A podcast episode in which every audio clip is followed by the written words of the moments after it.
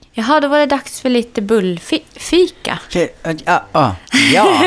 Välkomna, välkomna tillbaka till vår lilla radiostation. Nå, vår lilla höna. I vår lilla hörna. Jag tror så höna först, jag bara hakade på. Jag bara, ja, det lät väl kul. Det känns så konstigt att sitta så här. Ni är inte här. Nej, eller hur? Hallå, vi vill att ni sitter med oss här. Jag är endast iförd en liten morgonrock. Och du är iförd en fisketröja och en, En handduk. Ja, så är det. Varför har du inte tagit av dig handduken? Ska jag ta av med den? Ja, absolut. Sitta naken. Ja, jag får göra det. Ja. Nu, så. Nu är ah. Marcus naken, bara så att Wow. när ni lyssnar på Nu, nu blir det åka av. Mm, man hörde. I Ja, precis. Det är som att slänga upp laxen på bordet. Ja, ja, ja. Jaha. Ja, annars då? Nej, men alltså. Ja, det är bra. Ja. Jag är jättetaggad på ny vecka. Taggad på nästa helg som fan. Mm. Det är Falu Pride. Sjukt taggad. Du och jag ska ju stå på flaket och representera Haymakers på Pride-paraden. Det känns skitkul. Vi kommer Mm. Ja. ha DJ och det kommer bli som förra året. Ja, det var ju skitkul Ja, förra året. Fy fan. Nej, jag ser också roligt. jättemycket fram emot det. det åka genom stan och dansa. liksom. Mm, var jävla roligt. fan. Jag tror att Lia Larsson ska också vara med. Mm. Jag frågade henne om hon ville följa och det lät som hon skulle det. Så det blir också skitkul. Det där ser jag fram Mm. emot. Och i helgen, då ska du och jag ha bara du och jag-helg. Det ja, har ju- det, det känns som det var rätt länge sedan. Mm. Du vet, hitta ner i det där och bara vara tillsammans i vårt egna. ja, vi kom ju hem från Teneriffa och då var det ju valp Ja. som gällde liksom. Mm. Och det visste vi ju. Men det har blivit mycket nu att hela tiden vara uppkopplad på annat Mm. än oss. Så det ska bli jätteskönt. Katarina ska ta hand om Fendi Mm. i helgen. Det ska bli, ja det ska faktiskt bli riktigt skönt. Att Nej, jag håller med. Ja, ta en liten paus. ja. Och vi ska ta in på uh, First Hotel i Falun. Mm. Ja, det låter... Ja, varför bor ni på hotell i Falun? Jo, men det är bara så här, älskar att vara där. Ja. Alltså sist vi var där så var det ju helt magiskt liksom. Mm. Bastu och grejer. Nej, Ja, men det där saknar jag sjukt Ja. mycket att basta. Jag är ju liksom uppväxt med att basta och Mm. ha det där, alltså väldigt lättillgängligt. Men fan, alltså det där är någonting som, det är Mm. Om speciellt. någon som eh, bygger bastuar hör det här, Ja. samarbete, please. det skulle vi fan byggt den här utanför. Ja. Fatta sjukt, alla som bara, vi har ju gått loco med våran trädgård. Fatta vad sjukt, och helt plötsligt står det en så eldstad, en bastu. Ja. De bara, fan får ni plats med allt på den där lilla plätten?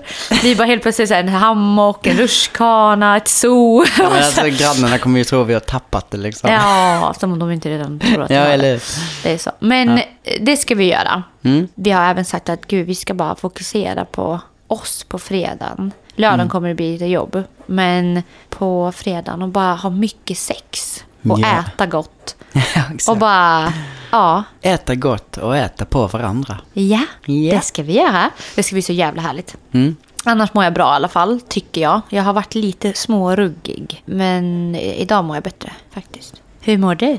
Nej, jag känner faktiskt samma. Det har varit, alltså efter livepodden, Mm. man var ju så fylld av jättemycket pepp och energi, men samtidigt lite så här halvt själsligt uttorkad. Ja. Alltså, ja, så har det ju varit liksom nu under veckan att man har ju levt på den här peppen och energin som man har fått, men samtidigt har jag ändå känt att fan vad man behöver återhämta sig. Ja, verkligen. Och där känner jag ju verkligen att eh, nu de senaste två, tre dagarna så är man ju verkligen tillbaka nu. Ja, så skönt. Vi har Mm. verkligen tagit oss tid och bara, ja men som idag, vi var ute och gick i skogen länge med de här två, Fendi Mm. och Ville. Och, ja men vi har haft moments där vi verkligen har bara vilat också. Mm. Det har varit jätteskönt. Jag kan också säga det efter livepodden, det var verkligen så sjukt mycket veckan innan och jag var, jag talar för mig själv bara, jag var så nervös. Mm. Och det var ju ja, den största händelsen för mig Ja, ja. någonsin i jobbet. Så.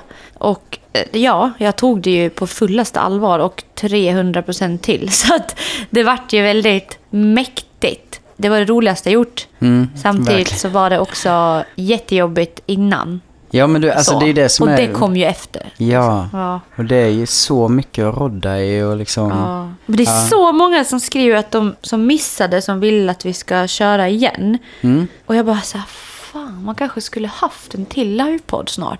Ja. Vi pratat lite om det. Sen vet vi ju inte intresset så. Men, eller så var det alla som ville komma som kom den här gången. Jag vet inte. Det är Nej. några så här få som har skrivit så. Men Mm. sen vet jag att det är många som missade att köpa. Men det känns ändå så här, ja, det kanske... Jag vet inte. Nej, ja, men det hade varit skitkul Ja. Jag har ju också, alltså, jag hittade ju någon ny form av nervositet innan det här med. Alltså, jag fick ju såna djävulska... alltså jag var så nervös. Och så jag, var, skakar inte, du skakade. Ja, alltså jag blev verkligen så här, jag fick ett sånt jäkla stresspåslag så att jag nästan kände att jag får typ ingen luft när jag Mm. andas. Så att jag fick ju flera gånger där innan bara så här sätta mig och bara andas in genom näsan, ut genom munnen, Mm. in genom näsan, ut genom munnen för att någonstans få ett kontakt med mig själv. För jag var helt utanför min egen kropp Mm. liksom. Men det sjuka var, du vet precis när vi kom upp och vi ändå tog det där första, ja men sa första meningen. Det landade ju Ah, jättemycket. Efter bara. en minut, vi Ja. bara... Ja. Mm. Ja, det var så coolt. Och det var ju verkligen ett kvitto på att vi kan göra det här. Jag har ju aldrig ens stått på en scen. Du har ju gjort det mycket liksom. Mm. Men jag har ju aldrig... Jag har ju aldrig ens trott att jag skulle våga göra en sån här grej. Jag har ju sagt att jag har haft en liten dröm om att bli DJ ju. Och det är ju också så här, ja, det känns ändå, okej man är på scen men man är ändå i sitt. Mm. När du är artist och sjunger då behöver du ändå ha kontakt med publiken på ett annat sätt. Alltså du sjunger, det ska låta, alltså det är många grejer som ska stämma in. Ja. Så jag kände ju typ att bli DJ kändes lite tryggare. Om du Ja. förstår vad jag menar. Ja, så där har jag ändå tänkt att någon gång skulle jag våga vilja stå där och spela. Ja. Men sen efter vi hade inbrottet och allt blev stulet så har man ju ändå tappat bort det där. Jag känner inget sug överhuvudtaget. Nej. Förrän typ nu i helgen när jag bara började pilla på Johannes DJ-grej. Då bara åh vad kul. Men jag kan bara säga det att jag trodde aldrig att jag skulle fixa det här nu liksom. Nej, och stå nej. på en scen och absolut inte sitta och prata utan manus. Nej, men och det är ju Hur det som är... sjukt? Ja, alltså tidigare när man då har stått live, typ om man är artist liksom, då är man ju uppe på scen och är kreativ och Ja. man framför olika verk. Mm. Men det som var så annorlunda i det här var ju att man skulle upp och vara så... Vi har ju som sagt inget manus, vi hade Nej. ingen aning om vad vi skulle snacka om. Alltså vi pratade hur mycket som helst här, de två timmarna innan. Men Ja. vad, alltså, vad, vad ska vi göra? Vad ska vi Och prata vi bara, om? ah, vi Och går in på det här, med- vi går in på det här bara. Ja, ja, vi, vi två med kontrollbehov med. Ja. Eh, bara kasta oss ut och har Ja. ingen aning om någonting. Och det var liksom. ju ingenting som jag hade tänkt. Det enda vi visste var Nej. att ni hade kanske ställt några frågor, kanske. Ja. Det var så här, ja, vi måste bara flytta på en gris som ligger här. Vänta lite. ja, hon vibrerar som jag vet inte vad. Ah, shit. Nej, det var det absolut häftigaste jag upplevt. Ja, verkligen. Jag med. Se så mycket folk. Ja, ni som var där och ni som lyssnar nu vill bara säga tusen tack igen. För att ni faktiskt tog er tid att komma. Ja, Vi är jätteglada för det. Och det här har ju givit oss jättemycket självförtroende i många grejer. Mm, Alltså att vi vågade, som du sa också, jag gick över tre stycken jävla grejer som jag ha- hatar. Alltså verkligen som har varit ett stor fear. Som jag verkligen har, det har varit så långt fram. ja. Bara prata i mick på klassikkalaset nu, då kom ju ljudtekniken fram och bara Är du som ska hålla godisregnet eller? Jag bara ah, nej. Han bara här har du micken. Jag bara för helvete ta bort den där. Ja. Jag tänker aldrig pratar. Han bara va? Du är väl van? Jag bara nej. Det är jag inte. Jag är inte van att prata i en jävla mikrofon. Ta bort bara. Ja, men det, du pratar ju för folk hela tiden. Ja, men de syns inte. Hade det varit tomt, eh, 5000 pers lägg av, slängde den på honom och sprang iväg och gömde mig. Sen kom ju Ja. han som höll i det där. Jag tänkte, fan gör vi nu? Mm. Ja, gud. Och det har känts så långt borta. Så jag är så stolt över mig själv. Att jag för det första vågade sjunga. Nog för att det också var lite nervös baserad sång. Så var det ändå ett steg ut ifrån den grejen. Det var även sjukt jobbigt att prata i mick och det gjorde jag i jättelänge.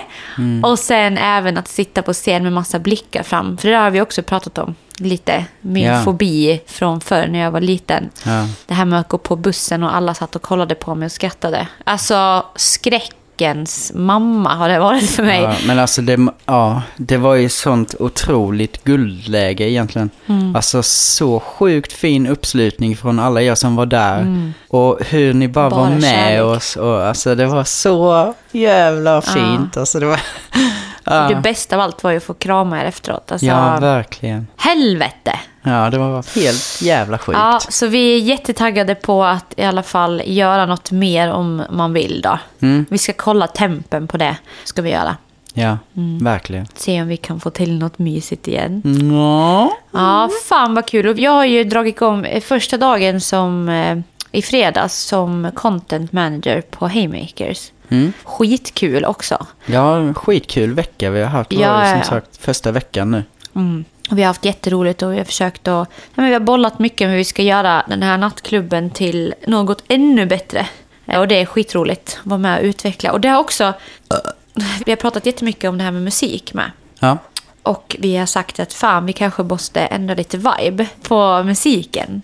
Göra så att det blir musik för alla. Att inte bara köra liksom en genre och så vidare, utan... Måste du ut och pissa nu också? Mm, säkert. Gärna en drickspaus. Ska jag gå ut och pissa nu då? Ja, vill Ska göra. du kissa? Kom inte på mattan.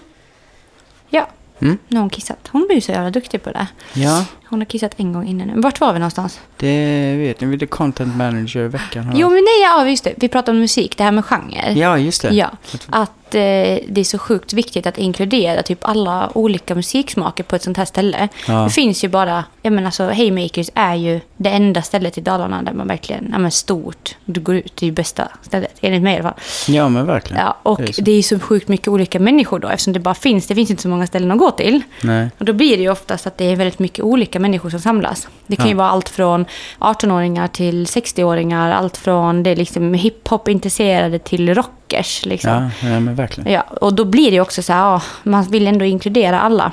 Så vi har ju bestämt nu att vi ska göra nya listor. Vi ska göra listor inför varje helg. Ja, och det finns ju inget bättre än när man är på ett ställe och man bara, du vet, det kommer igång en låt som man bara, nice, den! Ja, Liksom, du gud vet, vad länge sedan. Peppen man typ, wow, ja, ja. den här måste vara ny. Man ska ju få inspiration och känna saker av musiken. Ja, Och det där märkte vi jättestor skillnad på nu när vi ändrade musiken och även höjde musiken. Mm. Nere bland aktiviteter, ni som varit på Haymakers, nere liksom. Där är det typ arcade och bowling och liksom hängutrymme. Mm. Och där höjde vi upp ljudet lite. Man såg på människorna, fan det vart en annan vibe. Man ville Ja. typ gå ner dit. Jag ville hellre vara där nere nästan än uppe. ja, ja. Fan, skitroligt. Så det har ju varit askul. Så det ska jag sitta med nu när du ska redigera podd så ska jag sitta och göra spellista till nästa helg. Mm. Så jävla nice. Skit, nej. Och, ja, och när vi var ute med och kollade läget, alltså man blir så jävla glad när man ser olika människor bli peppade av olika låtar. Och, Nästan som man skulle kunna gissa också vem som kommer bli. ja, eller? Ja, vi satt ja. och granskade alla där nere och bara, gud den där reagerar på det där nu. Ja, nej, shit. Skitroligt. Vilket jävla jobb. Det känns helt fantastiskt att börja med det där nu. Ja, nej, men vi ska ju ta det här vidare. Kolla Mm. på ännu fler grejer vi kan vara med och hjälpa till med. Och... Alltså så jävla nice. Och ni som också hänger på Haymakers, kom med inputs. Skicka Mm, till ja. Haymakers på Instagram. Är det någonting ni liksom tänker på eller tycker till? För det är ändå ni som ska vara där. Mm. Så det är bara kul att ta med sig till ledningens lilla näste. Lilla Ja, kontor. ja. Ja. Ja, fy fan. By the way, apropå något helt annat. Mhm. kan vi prata lite om varför du och jag gör alla våra myssaker i köket? Alltså, det var ju någon som Mm. Ja. bara, hur går det med köks...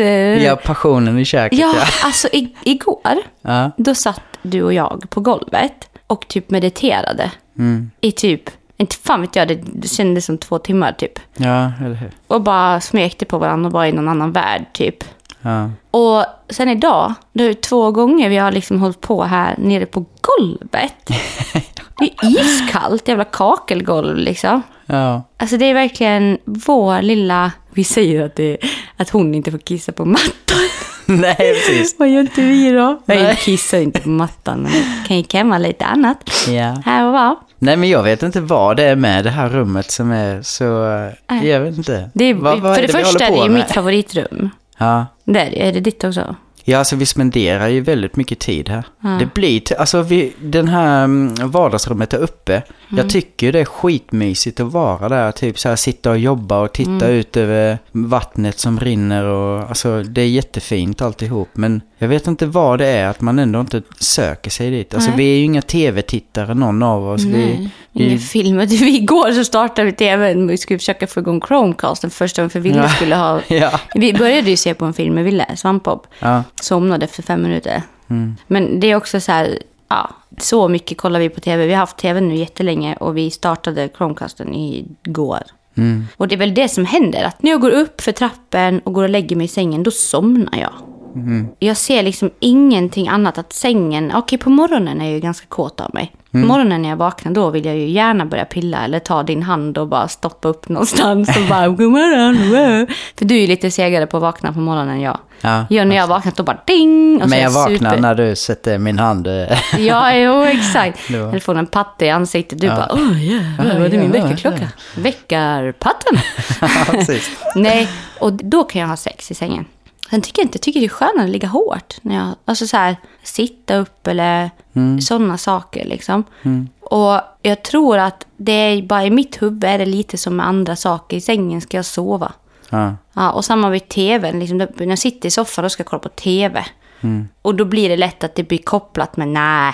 Jag tror att jag har, jag är lite samma mönster som Ville där ju, du vet ju det där. Mm, Har jag bestämt mig att ett rum är ett rum så här är- gör jag ju allt. Men det, jag tror nog att köket är det behagligaste rummet i hela lägenheten. Mm. Och eh, det är som du säger med, jag tror med sovrummet känns väldigt, alltså sådär man vill sova där. Jag känner nog med lika, alltså Mm. Och samma sak, jag tycker inte om att gå på toan uppe. Du går ju uppe på toan. Mm. Det är ju din toa typ. Samtidigt, toan uppe är ju tusen miljarder gånger mysigare än här nere. Ja. Alltså det är jacuzzi, det är ett stort jävla fönster där du kan titta ut över ån. Ja. Och jag bara, åh, när jag kommer hit, jag ska bada så mycket. Alltså där måste jag ha mugglat igen nu. ja, det Nej, blir men alltså, aldrig att man Nej, det blir alltså, och det är också så här, ja, när ska jag ta tid till det? Mm. Och bara, ja, det ska ligga och bubbla lite. Det är jävligt nice, men jag gör det så sjukt sällan. Det Mm. måste fan ta upp. Alltså att jag måste ta upp det igen, jag måste göra det. Mm. Här nere, där bajsar jag, duschar, fixar mig. Det är liksom allt där. Jag känner min energi när jag går går upp, då känns det som att jag är på ett hotell. Jag har liksom ingen koppling till rummet överhuvudtaget. Liksom. Nej, nej. Och samma Willes rum, det känns som en stängd dörr. Han är ju typ aldrig där inne heller. Han leker ibland. Ja, såklart han är där inne, jo det är han. Ja. Men han sover ju inte där. Han- Nej, det gör han inte. Och det är ju också en grej nu. Gud vad jag svävar iväg. Men det är bullfika. Så håll i er. Nej, men jag, jag köpte ju en säng till honom. En loftsäng med skrivbord under. Det här var förra året typ, någon gång. Och den sängen tycker han är läskig. Han har ju inte så bra balans. Och han tycker det är läskigt att gå upp och ner. Jag trodde det skulle vara, han sa ju från början, "Ja, jag vill sova högt upp. Men det har ju inte funkat överhuvudtaget. Han tycker det är läskigt att vara där uppe. Så det har ju blivit att han sover på soffan eller sover hos oss. Och det måste också bli ett slut med det kan jag känna. Jag kan tycka det blir... För det första är ett jävla meck hela tiden hålla på och bädda i soffan. För jag vill inte ha någon jävla säng i soffan när man går upp. En massa gosedjur, det känns också ganska... Nej, jag vet inte, jag vill inte ha det så. Och för det andra så känns det som att han måste börja sova på sitt rum nu. Och han får jättegärna sova med oss, men inte jämt liksom. Nej. Det ska kunna vara en lite mysig grej eller vid speciella tillfällen så. Men jag vill nog gärna att han... För han sover ju själv nu på soffan. Han kan lika gärna sova ner på sitt rum. Men måste göra mig av med den där sängen. Ja. Och där kommer kruxet. Alltså jag hatar tanken på att montera ner den där. Det är Nej, alltså, den är tydligen ju- Ikeas svåraste möbel var det någon som skrev till mig. Som jag hade Ja. jobbat på Ikea. Ja. Ja. I ain't gonna do that shit. Det är fucking rymdforskning på G. Mm. Och den kostade typ, jag tror det kostade 7000 den här sängen. Ja. Och jag tror att jag kommer typ skänka den där sängen till den som kommer hit och monterar ner den och går ut med den. Och jag tänker inte röra ett finger, då får de den. Ja, ta skiten. ja, för det tog ju fan hur många timmar som helst att bygga ihop den bara. Ja, Alltså, ah, men det, man shit. behöver ju inte montera ner hela heller. Nej, man får typ- just ta den i sektioner liksom. Ja, ja, ja. But still. Ja, så det kommer ju inte bli samma för den som köper den. Att du måste, men det, alltså jag skänker, ut med skiten bara. Mm. Tänk inte ens tänka på det där. De här pengarna när det kommer till den där, för det, det är det. Och sen ska jag köpa en säng, eller vi ska köpa en säng som är, ja men vanlig säng, låg. Ja, Så han kan känna sig trygg där inne igen. ja precis. Mm. Men jag tänkte på det du pratade om innan, det här med som toaletten där uppe med. Mm. Alltså jag tror att jag, du vet, alltså vid fönstret så är det ju en jättestor, vad säger man? Alltså, så, Fönsterbrädan. ja, så att man kan ju sitta där uppe. Ja, Och jag har ju ja. suttit där uppe rätt många gånger. Alltså så här bara suttit där och tittat Men jag har bara sett att du har gjort det en gång, men brukar du göra det ofta? Ja, alltså jag tycker det är mysigt att gå och sätta Gör du det? Ja, ibland gör jag det. Nej men gud. Det är så här när, jag- alltså jag vet inte, jag tycker det är så behagligt och jag får typ energi av att bara titta ut över vattnet. Ja. Så det är ju antingen soffan där uppe Det var ju det jag sa när jag flyttade in. Åh, här ska man ju sitta när man vill få lugnet. Ja. Jag har aldrig suttit där. Nej. Jo, i någon video typ så här. Och sen när jag har... Ja, men alltså, Men du har någon- inte hittat dit själv liksom? Nej, inte, jag har gjort det Nej. för att jag ska tycka att det är mysigt. Men jag är Ah. inte liksom självmant på åh, jag vill sitta där. Nej, alltså jag blir så lugn av att sitta där inne. Så att jag tror det också är därför jag någonstans... Bajsa Ja. där. ja, precis. Mm. Nej, men det är nice att sitta... Den toaletten är också lite så här småmysig. Ja, för den är lite lägre. Mm. Så det är ju, om man ska skita i den jättebra. Mm. Det är ju nästan, du sitter ju verkligen 90 grader med benen. Ja. För det ska man ju tydligen jag har gjort. Har jag hört, menar. Ja. Att man ska sitta högt upp med benen och lägre ner med rumpan om man ska få igång magen. Ja, det finns det inte till, till och med sådana här bajspallar eller vad fan säger man? Jajamän, sådana har jag haft. Få upp fötterna och... Sån har jag haft, fast jag har inte köpt en, jag hade Ville sån här badrumsstol, eller pall. Ja. Och satt upp mina ben i när jag var hård i magen. Ja, fan det där. Ja. Det är en vetenskap. ja. Jag har också ett annat knep. Mhm. Jag, jag, om jag är jättehård i magen, då sätter jag mig liksom, nu måste jag demonstrera för dig. Ja. Men jag kan sätta mig så här och sen särar jag upp ena skinkan på ena sidan, Mm. andra skinkan på andra så att liksom verkligen rövhålet är så pass, det ska vara så pass spänt åt alla håll utåt liksom. Okej. Och sen sitter det fast så. Ja. Och sen gungar jag så här. Ja, och så trycker jag på som fan. Sen när jag känner att det kommer något, då kan jag liksom lyfta upp typ ena benet eller någonting och så bara... Och så tar jag upp andra. Och så sitter jag så här och gungar och bara... Ja. Och sen till slut så glider den ut. All right. Mm. Jag har snarare mer så här, jag har typ gjort samma grej i början, alltså så här att man särar upp skinkorna, men det jag har gjort mycket är alltså kittla utanpå. Men Det- va? Ja, faktiskt. Det stimulerar till att det kommer.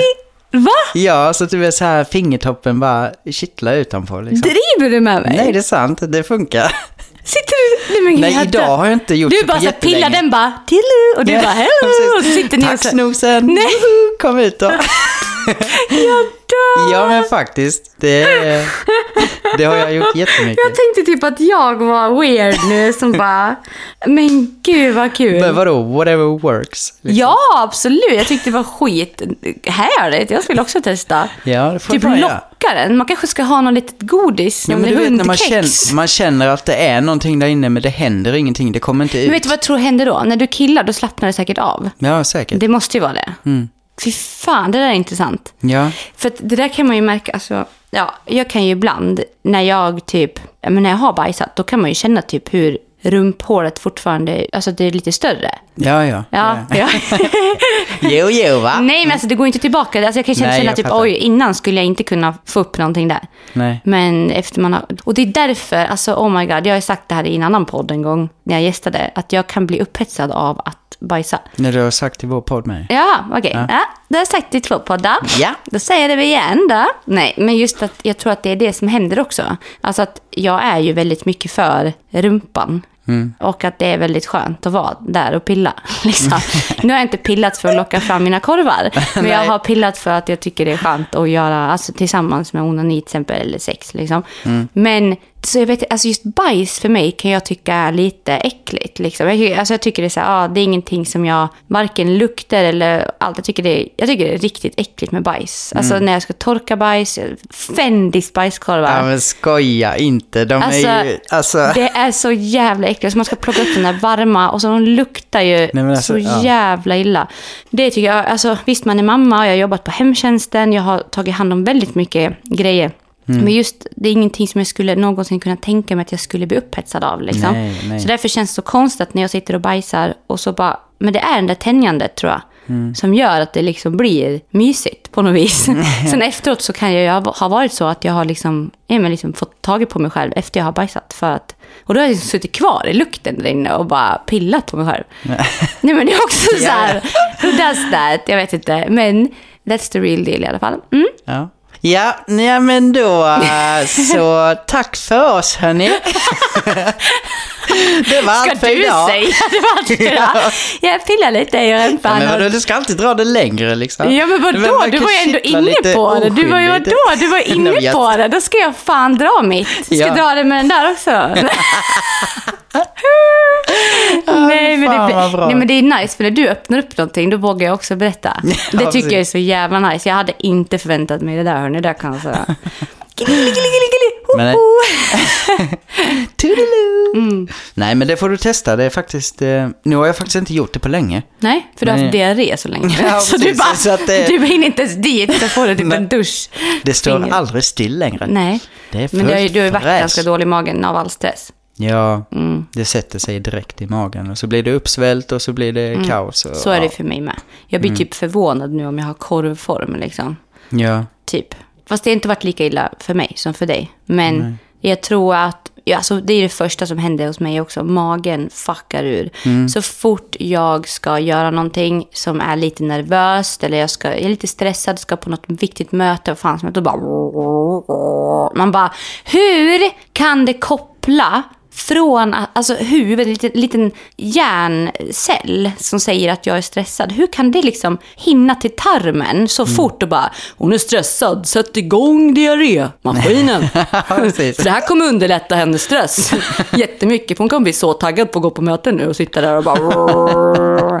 Det är ju det värsta man vet. ja fy fan. Usch. Och det enda man fokuserar på också, magknipet hörni. Ja, Åh. alltså när magen är ur balans eller när man typ har tandvärk, då är Ja. man ju bara uppkopplad på det. Du kan ju fan inte tänka på något annat. Nej, nej, nej. Oh, alltså tandvärk, där skulle man ju nästan kunna göra. Men vad fan är det för film? När det är någon som bara drar ut sin tand. För den får så jävla ont. Åh, oh, det är ju Alfred i Emil Lönneberga. Mhm. Han har ju sån jävla tandvärk så han tar någon stor jävla tång och drar ut den. Oh shit, det kommer inte jag och du vet, då var det ju inte bara, då fanns det ju inte Mind Dentist som du har Nej. med en jävla app. Då fick man ju åka häst och vagn i snöstorm. Ja, precis. till någon jävla eh, tandläkare som hade någon stor tång och stor sprut. Åh, jag får min tandläkarskräck bara skriker. Fy fan. Mm. Jag har ju, apropå tand, en tand på vänster sida uppe. Där det har varit, de har gjort en rotfyllning men fyllningen har liksom ramlat ut så det är som ett hål. Lyssna. Man hör det bara. Ja. Och där kände jag hamna all mat. Så jag får hela tiden ta andra sidan på prackersen så finns det som en petare. Den får jag ta och så får jag liksom pilla ut maten varenda gång jag äter någonting. Och så jävla drygt. Men jag drar mig för att gå till tandläkaren för det, mm, du vet ju hur jag är. Jag ska Ja. ju både ha lustgas och det är lugnande och det är fler personal och det är... Ja. Men vad kommer det, alltså det är jättemånga som har tandläkarskräck. Mm. Var kommer det ifrån? Det- Det hon sa till mig, Birgitta heter hon, jävligt bra tandläkare. Hon är den enda som har fått mig lugn kan jag säga. På specialisttandvården här i Falun. Hon började faktiskt fråga mig om tandläkarskräcken. Jag bara, jag har ingen aning. Vad, vadå liksom? Jag bara, tycker bara obehagligt när du är i min mun. Hon bara, ja men okej, då börjar vi där. Vad tror du det kommer ifrån? Att det är o-? Hon bara, varför? Mm, ja, Ja? ja. Jag bara, vad fan menar du?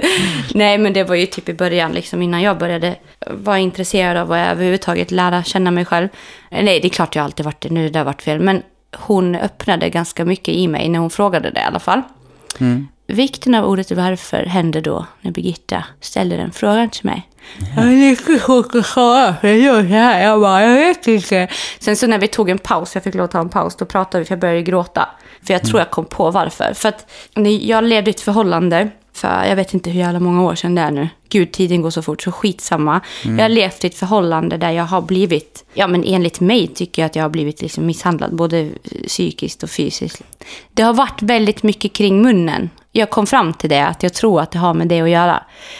För att ja, han kunde gärna stoppa in stora saker i min mun och säga åt mig att hålla tyst. När vi hade sex och sådana saker.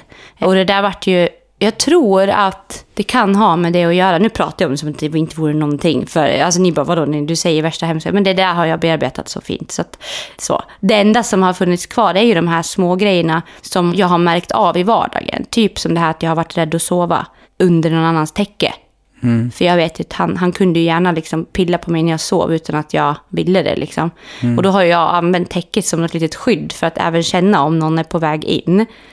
Det har jag ju också tagit bort idag. Jag sover jättegärna under täcket liksom. För jag förstår att det där är borta. Det här med tandläkarskräcken är jag nästintill idag ganska säker på att det har med rädsla för munnen att göra. Det är kopplat till ett stort obehag. Ja, liksom. gud, nu pratar jag jättemycket svammel, kände jag. Hörrni, jag, jag fick jättemycket tankar upp i huvudet medan jag sa de här sakerna, så det vart lite luddigt kanske. Men jag vet att jag har också haft obehag just kring ansiktet, ha folk nära. Jag kunde tyckt till och med varit jobbigt att pussat. För att jag tycker det är typ så intimt i mitt ansikte har verkligen varit ett ställe där man inte är och pillar liksom. För att det, ja. Och jag tror just det här med munnen, att gapa och när tandläkarna står över mig och håller i mig och jag kan inte stänga munnen. Det, är, det kommer ju därifrån. Garanterat, jag blir typ rädd. Speciellt om det har varit manliga tandläkare också så har det blivit värre. Ja. Eh, och det är också, jag har ju alltid fått kvinnliga tandläkare liksom. Mm. Efter det, alltså så här, för att jag inte klarat av manliga. Okej. Så det är jättefint att jag har förstått vad det handlar om. Liksom. Så nu hoppas jag, för nu, nu går det ju bra att gå till Tandis. Jag säger till och med Tandis, det är ändå positiv Ja, böjning. eh, exakt. Och hon Birgitta har ju verkligen fått mig att fatta att men det där var ju då också. Nu kanske det inte är lika... Sen är jag ju spruträdd. Så det är också den här stora sprutan som ska in i käften som är vidrigast kan jag tycka. Ja. Men nu ger de mig bedövning innan också. Mm. Så jag får bedövning på tandköttet också innan jag får sprutan.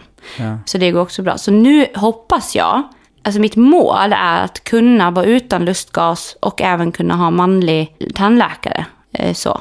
Men det där Verkligen. är så jävla viktigt med, med den här alltså, personen man faktiskt hamnar hos. Alltså att de är rätt lämpade och Ja, gör ett sjukt bra jobb Ja. och kan det där med att lugna liksom. Hon sa det också, hon bara, de som har grov tandläkarskräck, vi erbjuder gärna kurator till dem. Jag bara, ha så här. Hon bara, ja men du säger till om du behöver någon att prata med. Försöka rodda i var det kommer ifrån och så här. För det kan ju inte vara kul att ha det så här. Jag bara, nej. Och det blir, förlåt, men det blir dyrt också liksom. Ja, du betalar ju typ tusen spänn för den här jävla lustgasen. Varje gång extra. Och ibland måste jag avsluta efter typ tio minuter för jag pallar inte vara där. Äh, Okej, ja men bra. Ett och sex. Ja, ja. För att Nej. bara gapa och börja gråta och gå därifrån liksom. ja, det är så precis. jävla så fruktansvärt. Sämsta köpet Ja, ja, exakt. Betala för att få ångest. Liksom. ja, fy fan. Nej, och varje gång jag går dit är ju ett jättestort steg. Mm. Det är så kul, för jag har ju avbokat mina tandläkartider så många gånger. Så hon vet ju det, hon nu som brukar ringa till mig. Hon bara, ja, hej Klara, nu var det dags igen kanske. Nu var det ett tag sedan här. Och jag bara, mm. Hon bara, "Ja, hur går det med munnen? Jag bara, och jag har väl typ ett stort jävla hål upp i hjärnan som gör ont, men jag har inte velat ringa liksom. Annars är det bra. ja, annars är det bra. Jag har fått hjärninflammation nu, för det sitter tacosfärs uppe. Det är inga konstigheter, Nej. det är så här jag lever. Och den ja. sög jag ut med dammsugaren. Var... Men hon, eh, och hon är så jävla söt för att hon vet ju om också att, jag vet ju om att hon kommer svara om jag ringer in och avbokar för det är ingen sån här automatisk knappning. Nej, nej. Så. nej. Och då vet hon om så kan hon säga så här, "Ja, hur känns det idag då? Är det liksom, jag bara, "Åh, jag- mår inget bra idag. Så, och hon bara, ja, det är ju viktigt att du går, för du vet att det, det kommer ju inte så många tider här. Det är svårt att få tid och har du ont eller? Jag bara, ja, lite grann. Så jag försöker fejka att jag har typ ont i halsen för att slippa liksom. Ja. Men sen kan det ibland till och med blivit så att hon bara, men vet du vad, du, har, du har inte feber? Och så jag bara, nej, nej, bara krasslig. krasslig. Så kan hon liksom säga typ så här, bara, "Ja, men vad fan, ska du inte komma och försöka då ändå? Och så någon gång har jag gjort det. För jag har känt att okej, du fattar vad det här är och du vill ändå peppa mig. Och jag bara, jo. Så bara, "Ja, men så försöker vi bara. Och sen får vi se. Och då har jag inte behövt betala liksom för att bara komma dit liksom. Nej. Utan då har det ju, ja, det är ju fy när de väl har, ja men så det har ju gått bättre för nu vet jag ju om vilka de är och vad de gör med mig. Och det är så jävla fint för de frågar varenda gång så här när de märker att jag börjar rynka pannan. De bara, nu är det rynkan där Klara, nu är rynkan där, säger Birgitta. Jag bara, oh, okej. Och då börjar jag slappna av och sen får jag den här lustgasen och då ska jag hela tiden så här och då står hon bredvid mig, hon i receptionen. Alltså det är hon som brukar vara med mig också, tror jag. Jag tror det, för de är, eller de är jävligt lika. Skitsamma. Ja. Men det är i alla fall samma sköterska också. Hon står bredvid mig och håller koll på den här mätaren. Hur jag andas, att jag verkligen drar in. Hon bara, nu får du dra in lite mer. För den, så fort lustgasen går ur, då börjar jag böla. Ja, jag det är liksom så här. Och det är så jävla fint. Så står hon och bara, bra Klara, bra. Och så här. Och hon Birgitta bara, nu är rynkan där, ska vi sluta? Ska jag sluta? Ska jag ta bort? Och jag bara, nej, nej, nej. Jag är bara, så, det är så jävla fint samspel nu. Så Ja. det, du måste följa med någon gång och se hur de det jobbar. Det hade varit mysigt. Och, det, ja, och under covid så fick man ju inte heller ta med sig någon. eller Så här. Annars har jag ju typ velat haft med mig någon. Men, ja. Mm. Nej, jävligt sjukt. Ja, Men- Nej, fan, jag tänker bara själv på att...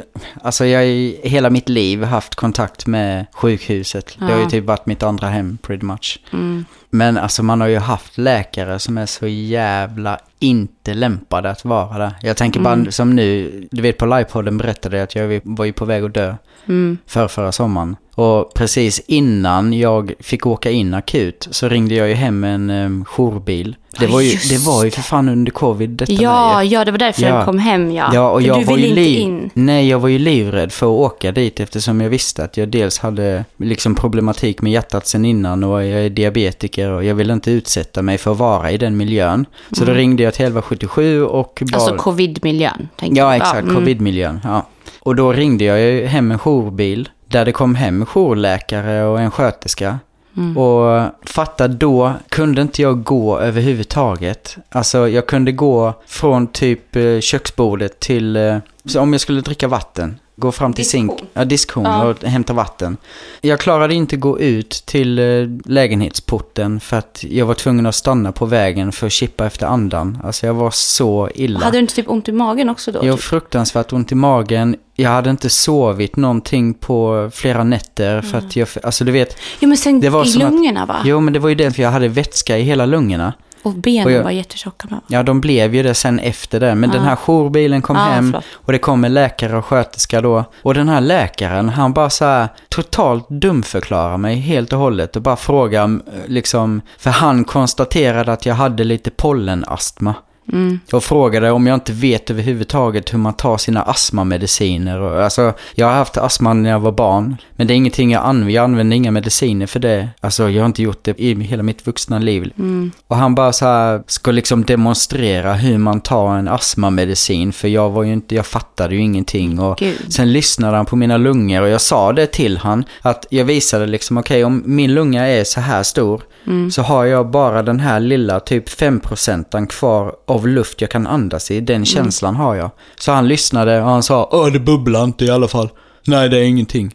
Och bara så här var totalt... Mm. Men lät det inte som att det bubblade när du... Jo, jag sa, jag började till och med andas för han så här, tog djupa andetag och det bara Ja, fan. när jag andades liksom. Jag och förklarade. pollen. Ja, jag hade fått pollenastma sa han och bara Ah, totalt sågade mig. Och jag förklarade att jag hade inte kunnat sova på flera nätter för att det liksom, det var som att när jag la mig på rygg så var det som att kroppen gick in i totalt dödspanikläge. Mm. Förmodligen för att jag fick känslan av att jag drunknade. Mm. För jag fick ingen luft. Jag höll ju, alltså det var ju, ja, typ så här dödsryck i kroppen liksom. Mm. Nej, han lyssnade inte överhuvudtaget. Och så bara sa, han gav mig någon, vad fan var det, någon jävla kortisontablett för någonting. Och sa Mm. att det här skulle lugna ner min pollenastma och sen drog han därifrån liksom.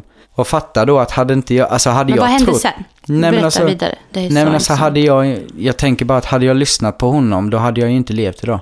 Nej. Men jag fattade ju att han lyssnar ju inte ens ett skit på vad jag säger. Mm. Han hör inte ens, han bryr sig inte om vad det är jag säger utan han bara har konstaterat sitt egna skit för att slippa stanna kvar och göra någonting mer liksom. Jävla idiot. Eh, och sen därefter då, det var ju då mina ben sen svullnade upp på kvällen.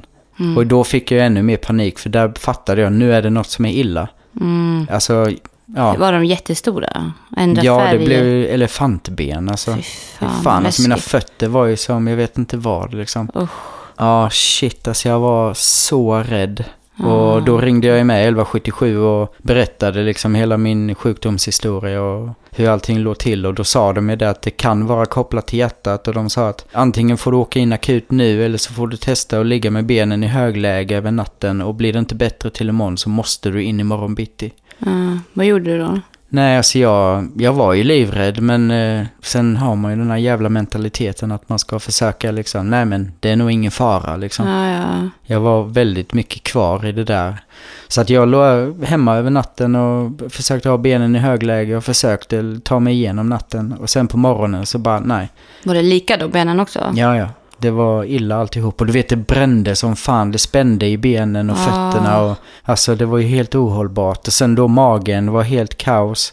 Gjorde svinont hela tiden. Och jag Mm. kunde inte, alltså just det att jag inte ens kunde röra mig. Ja. Alltså ta mig ut till liksom lägenhetsporten Mm. som bara var 10 meter ut. Det gick inte att gå 10 meter så jag höll på att kollapsa. Fan vad äckligt.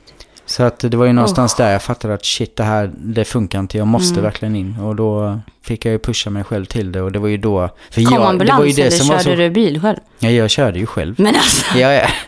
din jävel. Jävla idiot. Ja men ja, och det var ju det som var när jag väl kom in med så jag sökte ju hjälp för svullna ben och ont i magen.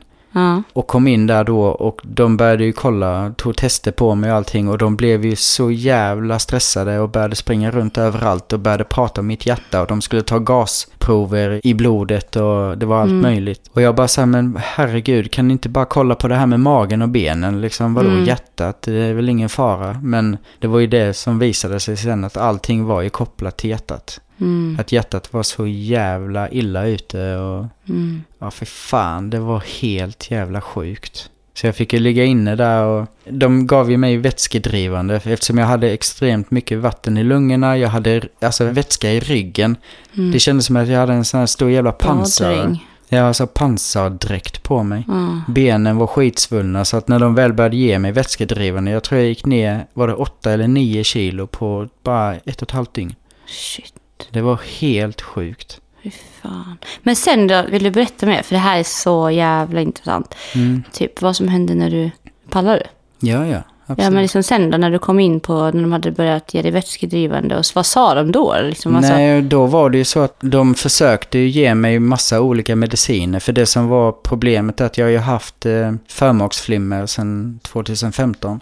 Mm. Och förmaksflimmer är ju ett jävla kaos av eh, signalstörningar i hjärtat. Så att man får helt oregelbundna hjärtklappningar Mm. och en svinhög puls. Och eh, de försökte ge mig alla möjliga mediciner för att de skulle få bukt på det. Det var ingenting som hjälpte.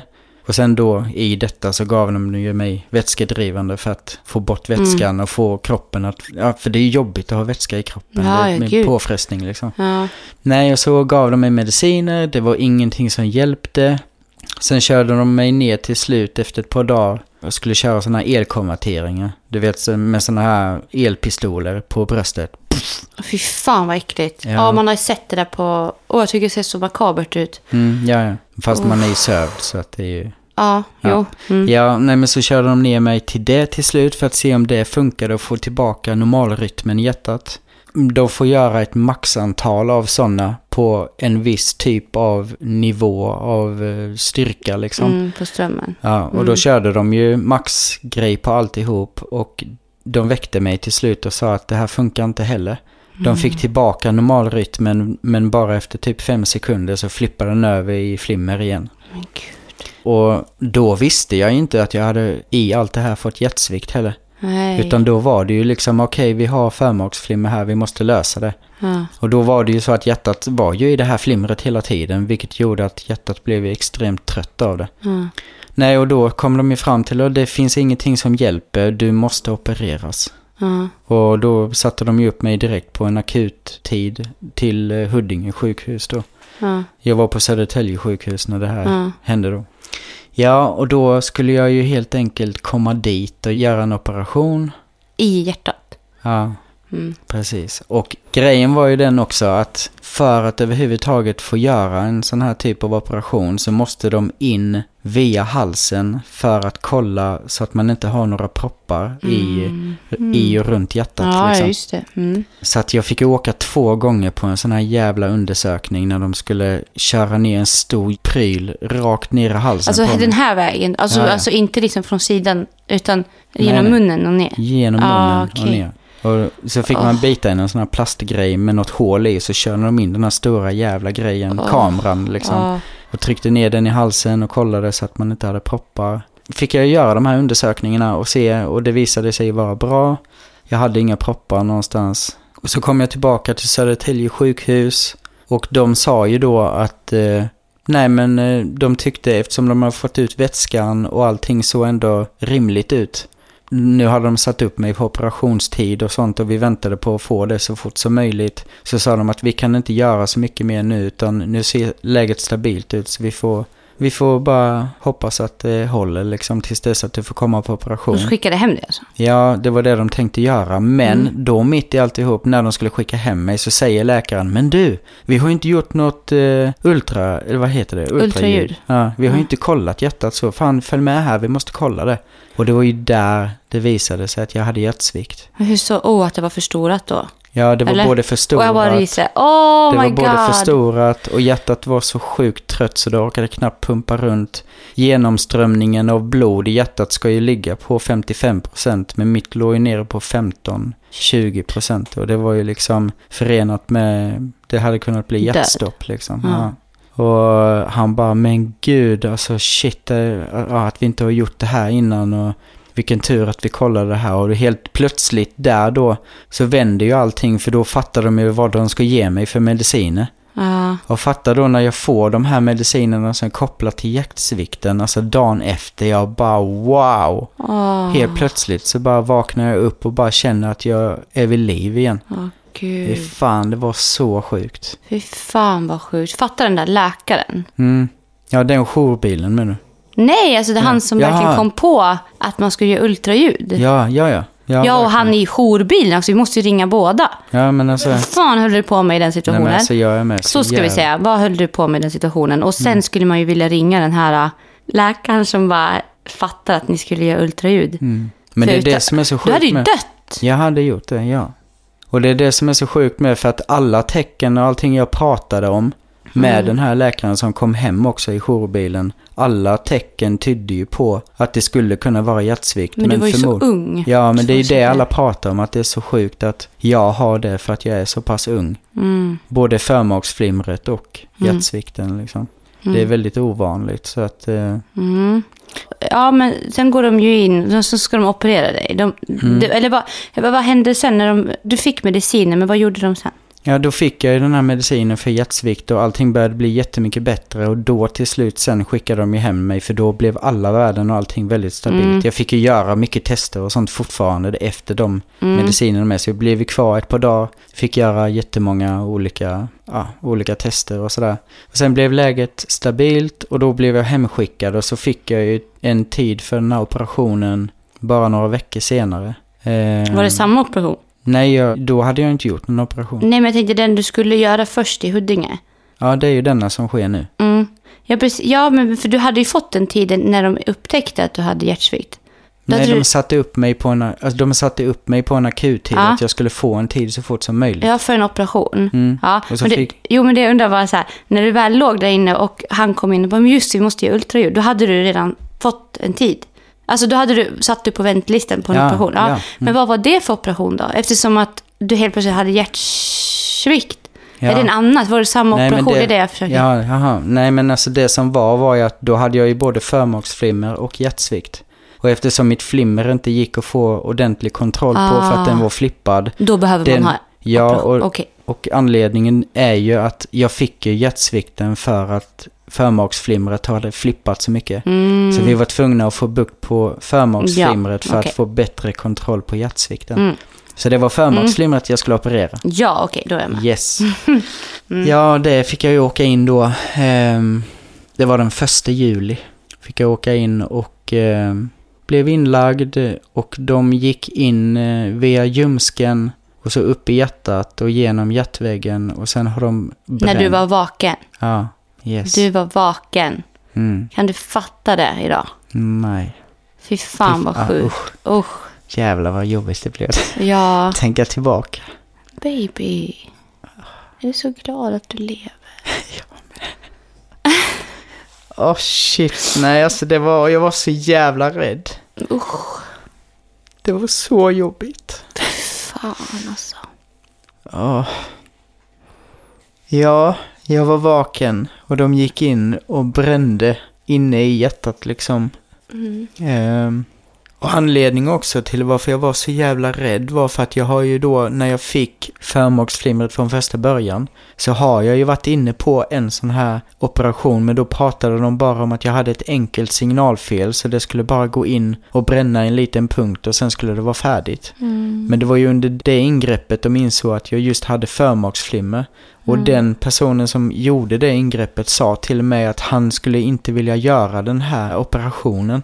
Han skulle inte Nej. vilja göra den på mig för att jag är så pass ung och det är så stora risker med den. Ja, så du visste vet- att det var farligt. Ja, jag Eller typ en stor risk för... Ja, och jag har varit på flera möten om nya ingrepp och sånt där och alla har pratat om hur jävla stora risker det är med det här så jag var ju livrädd. Men jag, skulle, men jag hade ingen annan utväg liksom. baby. medicinen funkade inte och... Oh, shit. Oh. Vad gör man inte liksom? Det är ju bara att lita på Ja, de här liksom- människorna som bara ska... Det är människor nu som du måste lita på som du aldrig har träffat. Nej, Och precis. allt handlar om ditt liv liksom. Och jag visste ju att om jag inte väljer det här så kommer jag ju dö liksom. Det är ju så, det kommer inte funka. Jag måste Mm. Frågar göra de dig det? Vill du göra det här? Ja, alltså, ja, det Eller liksom var det inte. bara Nej, det... Jag fick ju prata med psykolog och jag fick prata med flera läkare och alla sa ju det att det finns, du må, alltså, det är klart att det måste ju vara mitt val men de sa ju det att du har inget annat val, du måste göra det här liksom. Mm. Ja, och det var en vaken operation, de gick in via ljumsken som sagt upp i hjärtat och genom hjärtväggen och brände där och det gjorde så jävla ont. Fy fan vad det var, ja det var så Alltså bara jävla... tänk, alltså bara man försöker typ måla upp hur det skulle kunna kännas typ. Ja. Man kan bara tänka sig typ in i bröstet, det skulle bränna, alltså eller hur kändes det liksom? Nej, alltså det, det strålade ju genom hela jävla kroppen och framförallt upp i huvudet och i tänderna. Ja. Och man hörde, du vet det är som när man svetsar. Mm. När den här jävla maskinen kommer igång. Man hör, okej snart kommer det, det där jävla liksom. Alltså jag, Åh. ja.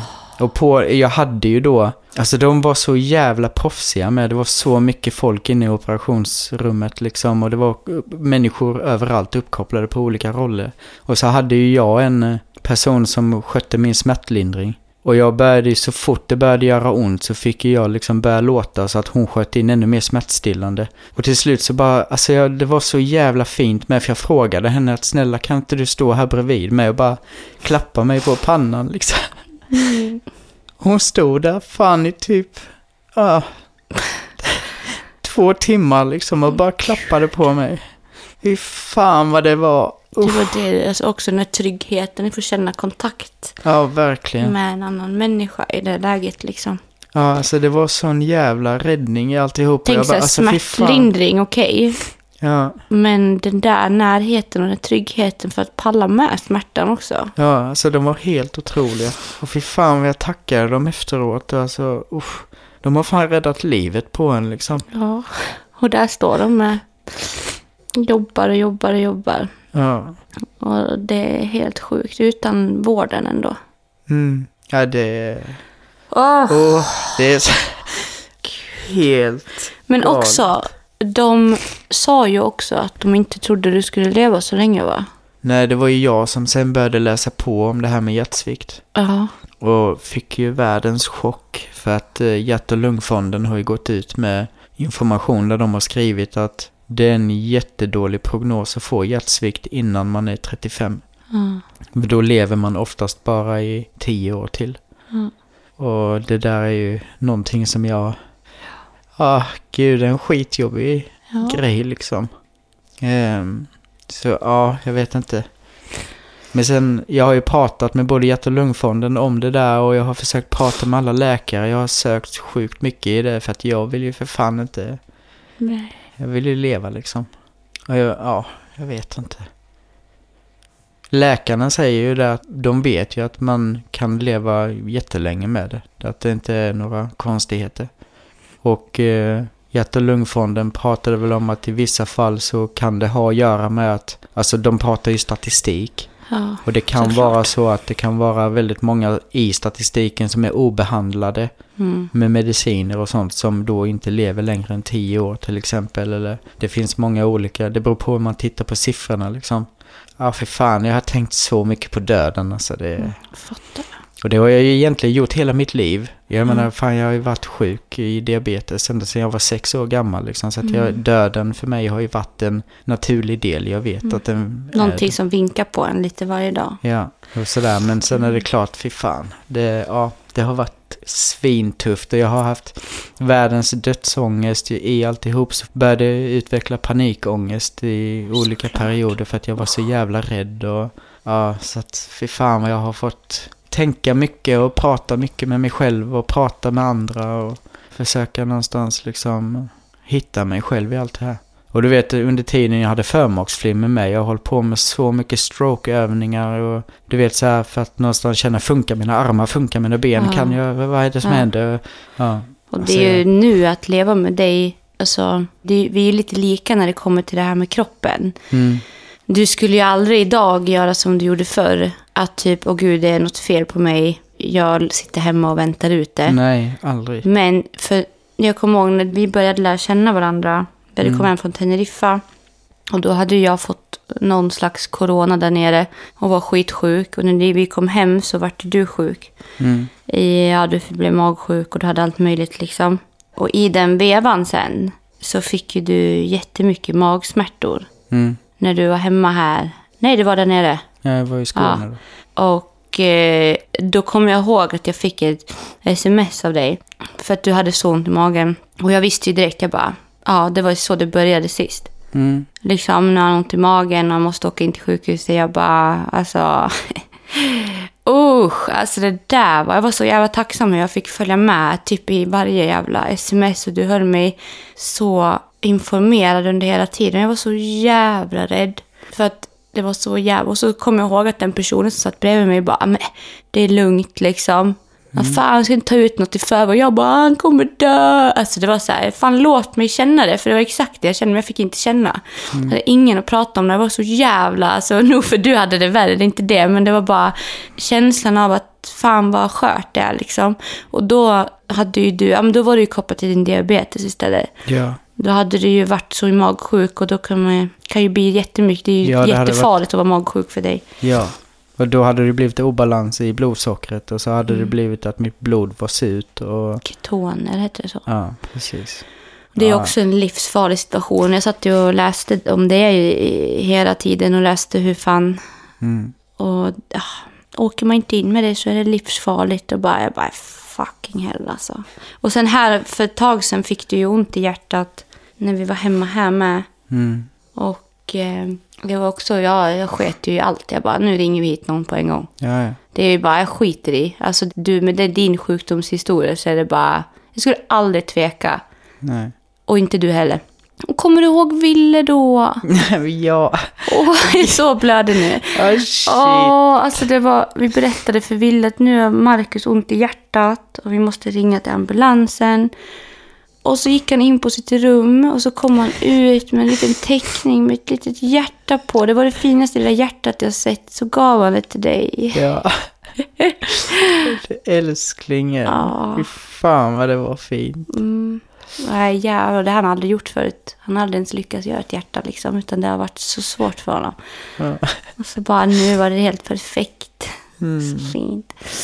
Nej, fan, det här har ju varit, och jag kommer ihåg när vi började liksom bli kära i varandra och jag outade för dig att fan, jag är så rädd att typ bli så kär i dig och skapa familj med dig och allt det där som jag egentligen ville, för jag visste liksom, när kommer du dö? Och jag sa det till dig att det är förlåt, men jag tänker så ibland. Mm. Att jag har förlorat så många i mitt liv och jag var ju så redo på att vara själv. Och jag kände den tiden liksom just då att jag var så jävla rädd för att förlora dig. Mm. Och tänk vad hemskt om man var kär då. Mm. Och förlora. Alltså förstår du hur jag tänker nu? Du kommer Ja. ihåg det Ja, samtalet? verkligen Och du tyckte det var så jävla fint, kommer jag ihåg. Att jag Ja. tänkte så. Jag bara, va? För jag skämdes över känslan, för jag tänkte, vad fan är jag? Och sitta, ska jag skita i att vara med Marcus? För att han nu har liksom, Mm. han vet inte hur länge han lever liksom. Det lät så jävla hemskt. Ni alla kommer till tänka samma sak. Det, det känns jättehemskt att tänka så. Mm. Men samtidigt så sa du, jag ihåg, att du tyckte att det var så fint. För det visade verkligen hur seriös man var Mm. med oss. Ja, verkligen. Men jag tänker ingenting på det idag. Nej, och alltså alla mina, alltså det finns liksom ingenting i min sits heller idag som pekar i någon annan riktning. Jag menar, jag har gjort eh, jättemånga olika scanningar och jag har gjort, eh, alltså allting visar ju på att mitt hjärta är så jävla starkt och det är att hitta tillbaka Mm. till eh, normalläge och det är så här, ja det är helt jag har sjukt. aldrig träffat en sån människa som är så, om man säger trogen till livet. Mm, Alltså du verkligen gör allt för att bara få leva ditt liv. ja. Ja, det är så jävla fint. Alltså det är... Och jag känner så här, du spenderar den här tiden på jorden med mig. Du väljer att hänga med mig liksom. ja. Det måste ju betyda att jag är så fantastisk. ja, det, det är precis så. Ja, och det känns också likväl för mig liksom. Ja. Med tanke på vad, ja, det jag har varit med om med så är jag så här, fuck, jag känner att jag verkligen lever det bästa livet med dig liksom. Mm. Det är så jävla fint. Ja, Att vi har valt varandra och tagit bort så många andra runt oss. För tyvärr är det ju så. Det, om du kollar tillbaka på ditt liv så skulle vi ju kunna säga med allt jag har hört, jag, vi har ju pratat sjukt mycket om det här, att det är ju faktiskt människor som säkert har gjort så att ditt hjärta har blivit trött. Mm. Fel umgänge och fel kretsar och för mycket stress Mm. Kan ju tyvärr bidra till att hjärtat blir fakt. Mm. Och det ska vi jävla ha i åtanke. Liksom. Att det inte bara är psyket som kan bli skadat av fel umgänge. Nej. Utan även kroppen. Och hjärtat är det finaste vi har. Jag har också känt det med blodtrycket. Jag har haft skyhögt blodtryck nu i fyra år. För att jag har varit så stressad över människor jag har haft runt mig. Mm. Nu var det normalt. Ja. För att jag har tagit bort alla toxic människor runt mig som har stressat sönder mig. ja, det är verkligen, jag har tänkt så mycket på det här med, med både frustration och inre stress. Jag tänker inte sitta fast i det längre, för det leder inte till någonting bra. Nej. Det är så jävla självdödande så jag vet Mm. inte vad liksom. Och jag kan säga så här, ditt, alltså, ditt hjärta. Ja, för bara fan blir så jävla. Men ditt hjärta är typ det enda jag kan ligga och lyssna på och älska liksom. Jag har alltid tyckt det varit så läskigt med hjärtslag. Alltid. Jag har aldrig velat lägga nära någons hjärtslag. Jag tyckte det var så obehagligt för jag har ju varit så rädd själv med mitt hjärta liksom. Så jag tyckte att det var så obehagligt att höra det. Dudum, dudum. Men på ditt då blir jag så jävla lugn liksom när jag ligger och kan gärna ligga på ditt bröst och bara lyssna på ditt hjärta. För jag är så jävla glad att det bara slår så fint. Det är så vackert när ditt hjärta slår. Åh, Shit. det är verkligen inget obehagligt alls. Nej. Bullfika! Wow. Jag var inte alls beredd på att du, för jag har pratat med dig så många gånger. Där skulle du vilja berätta för följarna om din sjukdomshistoria liksom. Mm. Och du har alltid bara, nej, inte kanske än och så här. Och så nu bara helt självmant kommer du in på det. Ja. Genom att vi pratar om hår i tänderna liksom. ja, Och köttfärs i hjärnan. Du bara, wait a minute, I got something to tell you. Ja. When I got köttfärs in my... Men det enda jag bara också, alltså för mig är det liksom jag förknippar mig inte själv med de där sakerna utan de är en del av mig. Mm. Jag har liksom alltid sagt det med diabetesen också att det är inte diabetesen som ska ha kontroll över mig. Det är jag som ska ha kontroll över diabetesen. Exakt. För den är en del av mig. Jag är inte en diabetiker. Jag har diabetes och den hanterar jag. Ja. Och det, Det som du sa till mig en gång också. För jag frågade dig typ så här, men vad skulle du, skulle du vilja, om du fick önska dig något, skulle det vara så att, ja men ta bort min diabetes? Du bara, nej. Du bara, för, nej, det är jag. Mm. Då är det typ så här, men vad skulle, alltså det var, det var så himla solklart att du bara, nej. Nej. Alltså rent logiskt för kroppens skull så absolut. Ja. Det hade varit bra och viktigt att göra det men jag vet inte vem jag skulle vara. Lite så känns nej, det. ja, vet. jag fattar. Jag ju så det har alltid- liksom inte varit en alltid jättestor dröm liksom. Nej. För dig verkar det som när du sa så. Nej. Typ som att, va? Det har jag inte tänkt på. Nej, det tror jag inte. Eller? så. Nej, det är en konstig, konstig Mm. grej det. Och det är samma sak för mig, det här med min magoperation. Mm. Du frågade ju mig en gång också. Om det gick att operera tillbaka den. Mm. Och du bara, skulle du vilja göra det då? Och jag bara, ja men det går. Men jag vet inte vem jag är Mm. idag utan det. Det är liksom 11 år sedan. Jag vet inte hur det... Jag vill inte... Nej. Nej, hur Jag skulle att- det vara? Alltså det är samma sak som med min diabetes. Alltså jag har ju aldrig bara kunnat sätta mig ner och äta någonting utan att tänka på vad jag har gjort innan, vad jag gör nu och vad jag ska göra efter. För hela mitt liv är en planering. Mm. I insulin och sprutor och blodsocker och, Mm. och jag minns ju inget annat. På ett sätt är jag skitglad att jag fick det så pass Tidigt, liten. ja. ja. Ja. Att jag var sex år, men Gå på rutin bara. ja, det, jag, jag minns ju inget annat. Mm. Det är ju det jag har, det är ju mitt liv liksom. Och det är Ja, och det, det är jag kan tänka mig, fint. liksom, att Ja. gå tillbaka efter liksom 11 år och hur fan funkar det då med Mm. att liksom, för sättet du äter och sånt idag, det är ju helt annorlunda än vad det förmodligen hade varit. Mm. Ja, jag om- tänker ju också. Mm. Jag är ju så här, ska jag äta mycket, eller mycket ofta, det ska jag inte göra. Ska jag äta lite ofta. Mm. Och det är också så här, jag kan ju slarva med det istället ibland för att jag glömmer, jag känner ju inte hunger på samma sätt. Det har jag börjat få tillbaka nu lite mer så att jag kan bara känna att åh, jag behöver nog äta. Jag Mm. har skapat en annan, det är inte det här kurret i magen som man hade förr liksom. Mm. Utan man kan känna det på att jag börjar bli svag eller åh, shit, jag har inte ätit på fem timmar, vad fan håller jag på med liksom. Så att jag måste ju också ha jättemycket koll med också blodsockret. Får ju blodsockerfall och Mm. blir liksom ja, väldigt mycket dumping nu på senare år. Att jag får bli väldigt dålig när jag ätit. Eh, och jag tror att det här har att göra med att jag inte tränar just nu. Och när jag tränar så kan jag äta mer och oftare. Och jag har ju varit jättemycket för att träna förut. Och det har varit perfekt för min kropp. Då vet jag om att jag måste äta. Mm. Och jag kan äta. Nu är det som att ja, men jag, ja, men jag är ganska still. Liksom. Ja, Jag, jag sitter ju inte mycket, det gör jag inte. Nej. Men jag är ju inte i motions, motion. Jag är ju som vardagsmotion har jag ju. Jag rör ju mycket. Jag, men som sagt, jag sitter ju inte och degar liksom. Utan jag går ju mycket. Och skulle jag haft en stegräknare så skulle den bli kaos. Mm. Men jag går inte aktivt och utmanar min kropp just nu. Och det har jag inte gjort på några månader och det känns jättejobbigt att jag inte är där heller. Men jag ska dit. Vi har ju Eh, pratat om att vi ska ut nu varje dag faktiskt och promenera. och promenera i alla fall. Ja. Nej, det är skönt. Sen bjöd Rebecka in mig till gym imorgon. Mm. Vi får se. Jag, ser jag, kan, jag kan inte lova mig själv saker för att jag vet att imorgon då bara... Eh. How about no? Nej, men jag ska säga det att det är ju också en jätteviktig grej för mitt blodtryck och min kropp. Så, som sagt, min motion. Eh, Och då kan jag äta mer och oftare. Mm. För nu har jag känt att jag mår bara illa. Jag äter något och så bara... Så. Mm. Men det jag skulle säga är, min magsäck ligger ju kvar där inne. Mm. That's weird. Ja. Mm. Ja, det är... Den krymper tydligen ihop. Alltså, Jag vet inte om det efter 11 år hur fräsch den är om man ska koppla på den nu som ett litet russin bara.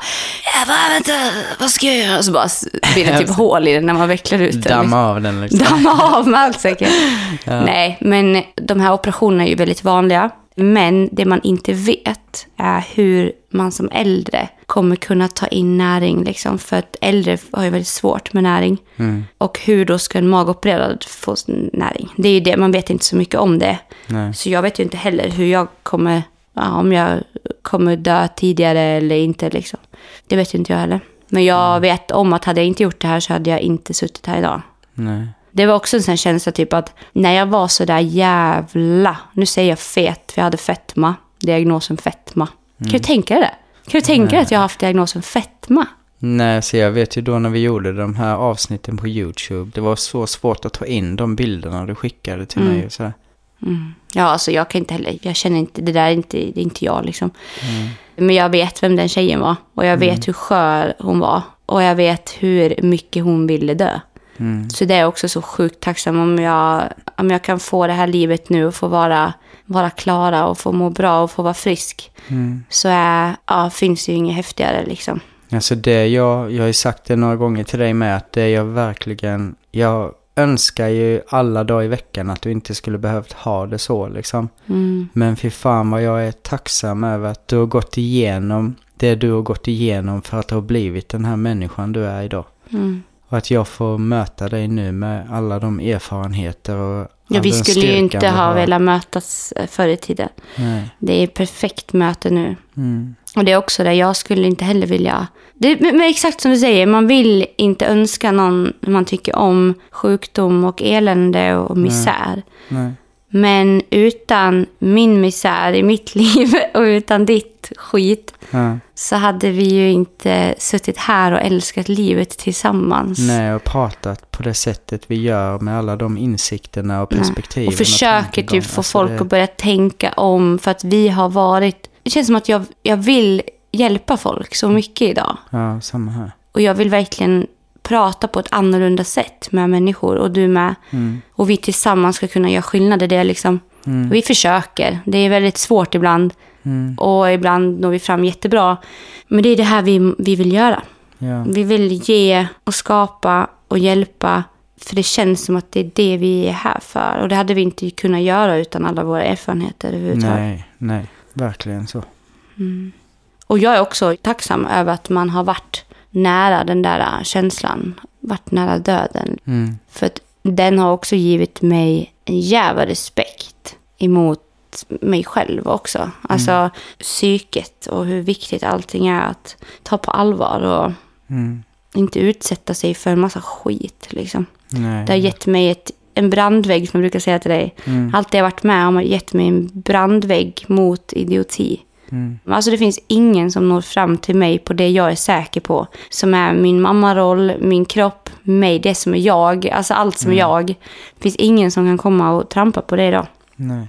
Det jag är osäker på, typ, vi säger något simpelt, typ sången. Mm. Där kan folk trampa på mig på.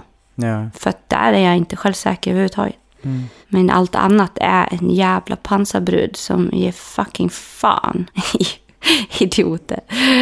Så jävla gött att känna så. Ja, Mm. verkligen. Ska Ja. vi knulla nu? Ja. Jag känner mig så sugen på det. Jag vill typ krypa under bordet och snaska koppen. Ja, den, är- den är här. Är den hård? Ja, Ja, men då så, hörni, då tar vi den där Efter det här samtalet. Från Ja, jag sitter här med hjärtsvikt till kukstand. Ja, precis.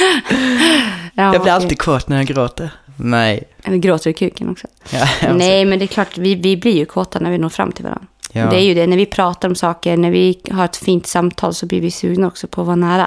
Mm. Det är det, när vi får kontakt och vi får prata. Det känns inte som att vi har spelat in det här samtalet Nej, överhuvudtaget. Nej, nej. Jag älskar när det blir så, jag blir så sugen. Jag är kissnödig med. Ja. Men... eh, Ska... varför jag sa det, eller? Du vet. Ja. ja, men det kan vi ta ett Ja, annat avsnitt. ja, ja, men vi har då- hittat en ny hobby. Hej då! Ja, då får vi ta och stänga av här hörni. Tack för den här gången. Ha en fin vecka va? Och alla ni som känner typ att ni har några frågor kring det här så jättegärna skriv. För jag antar att det kommer upp mycket frågor i huvudet efter sånt här djupt samtal.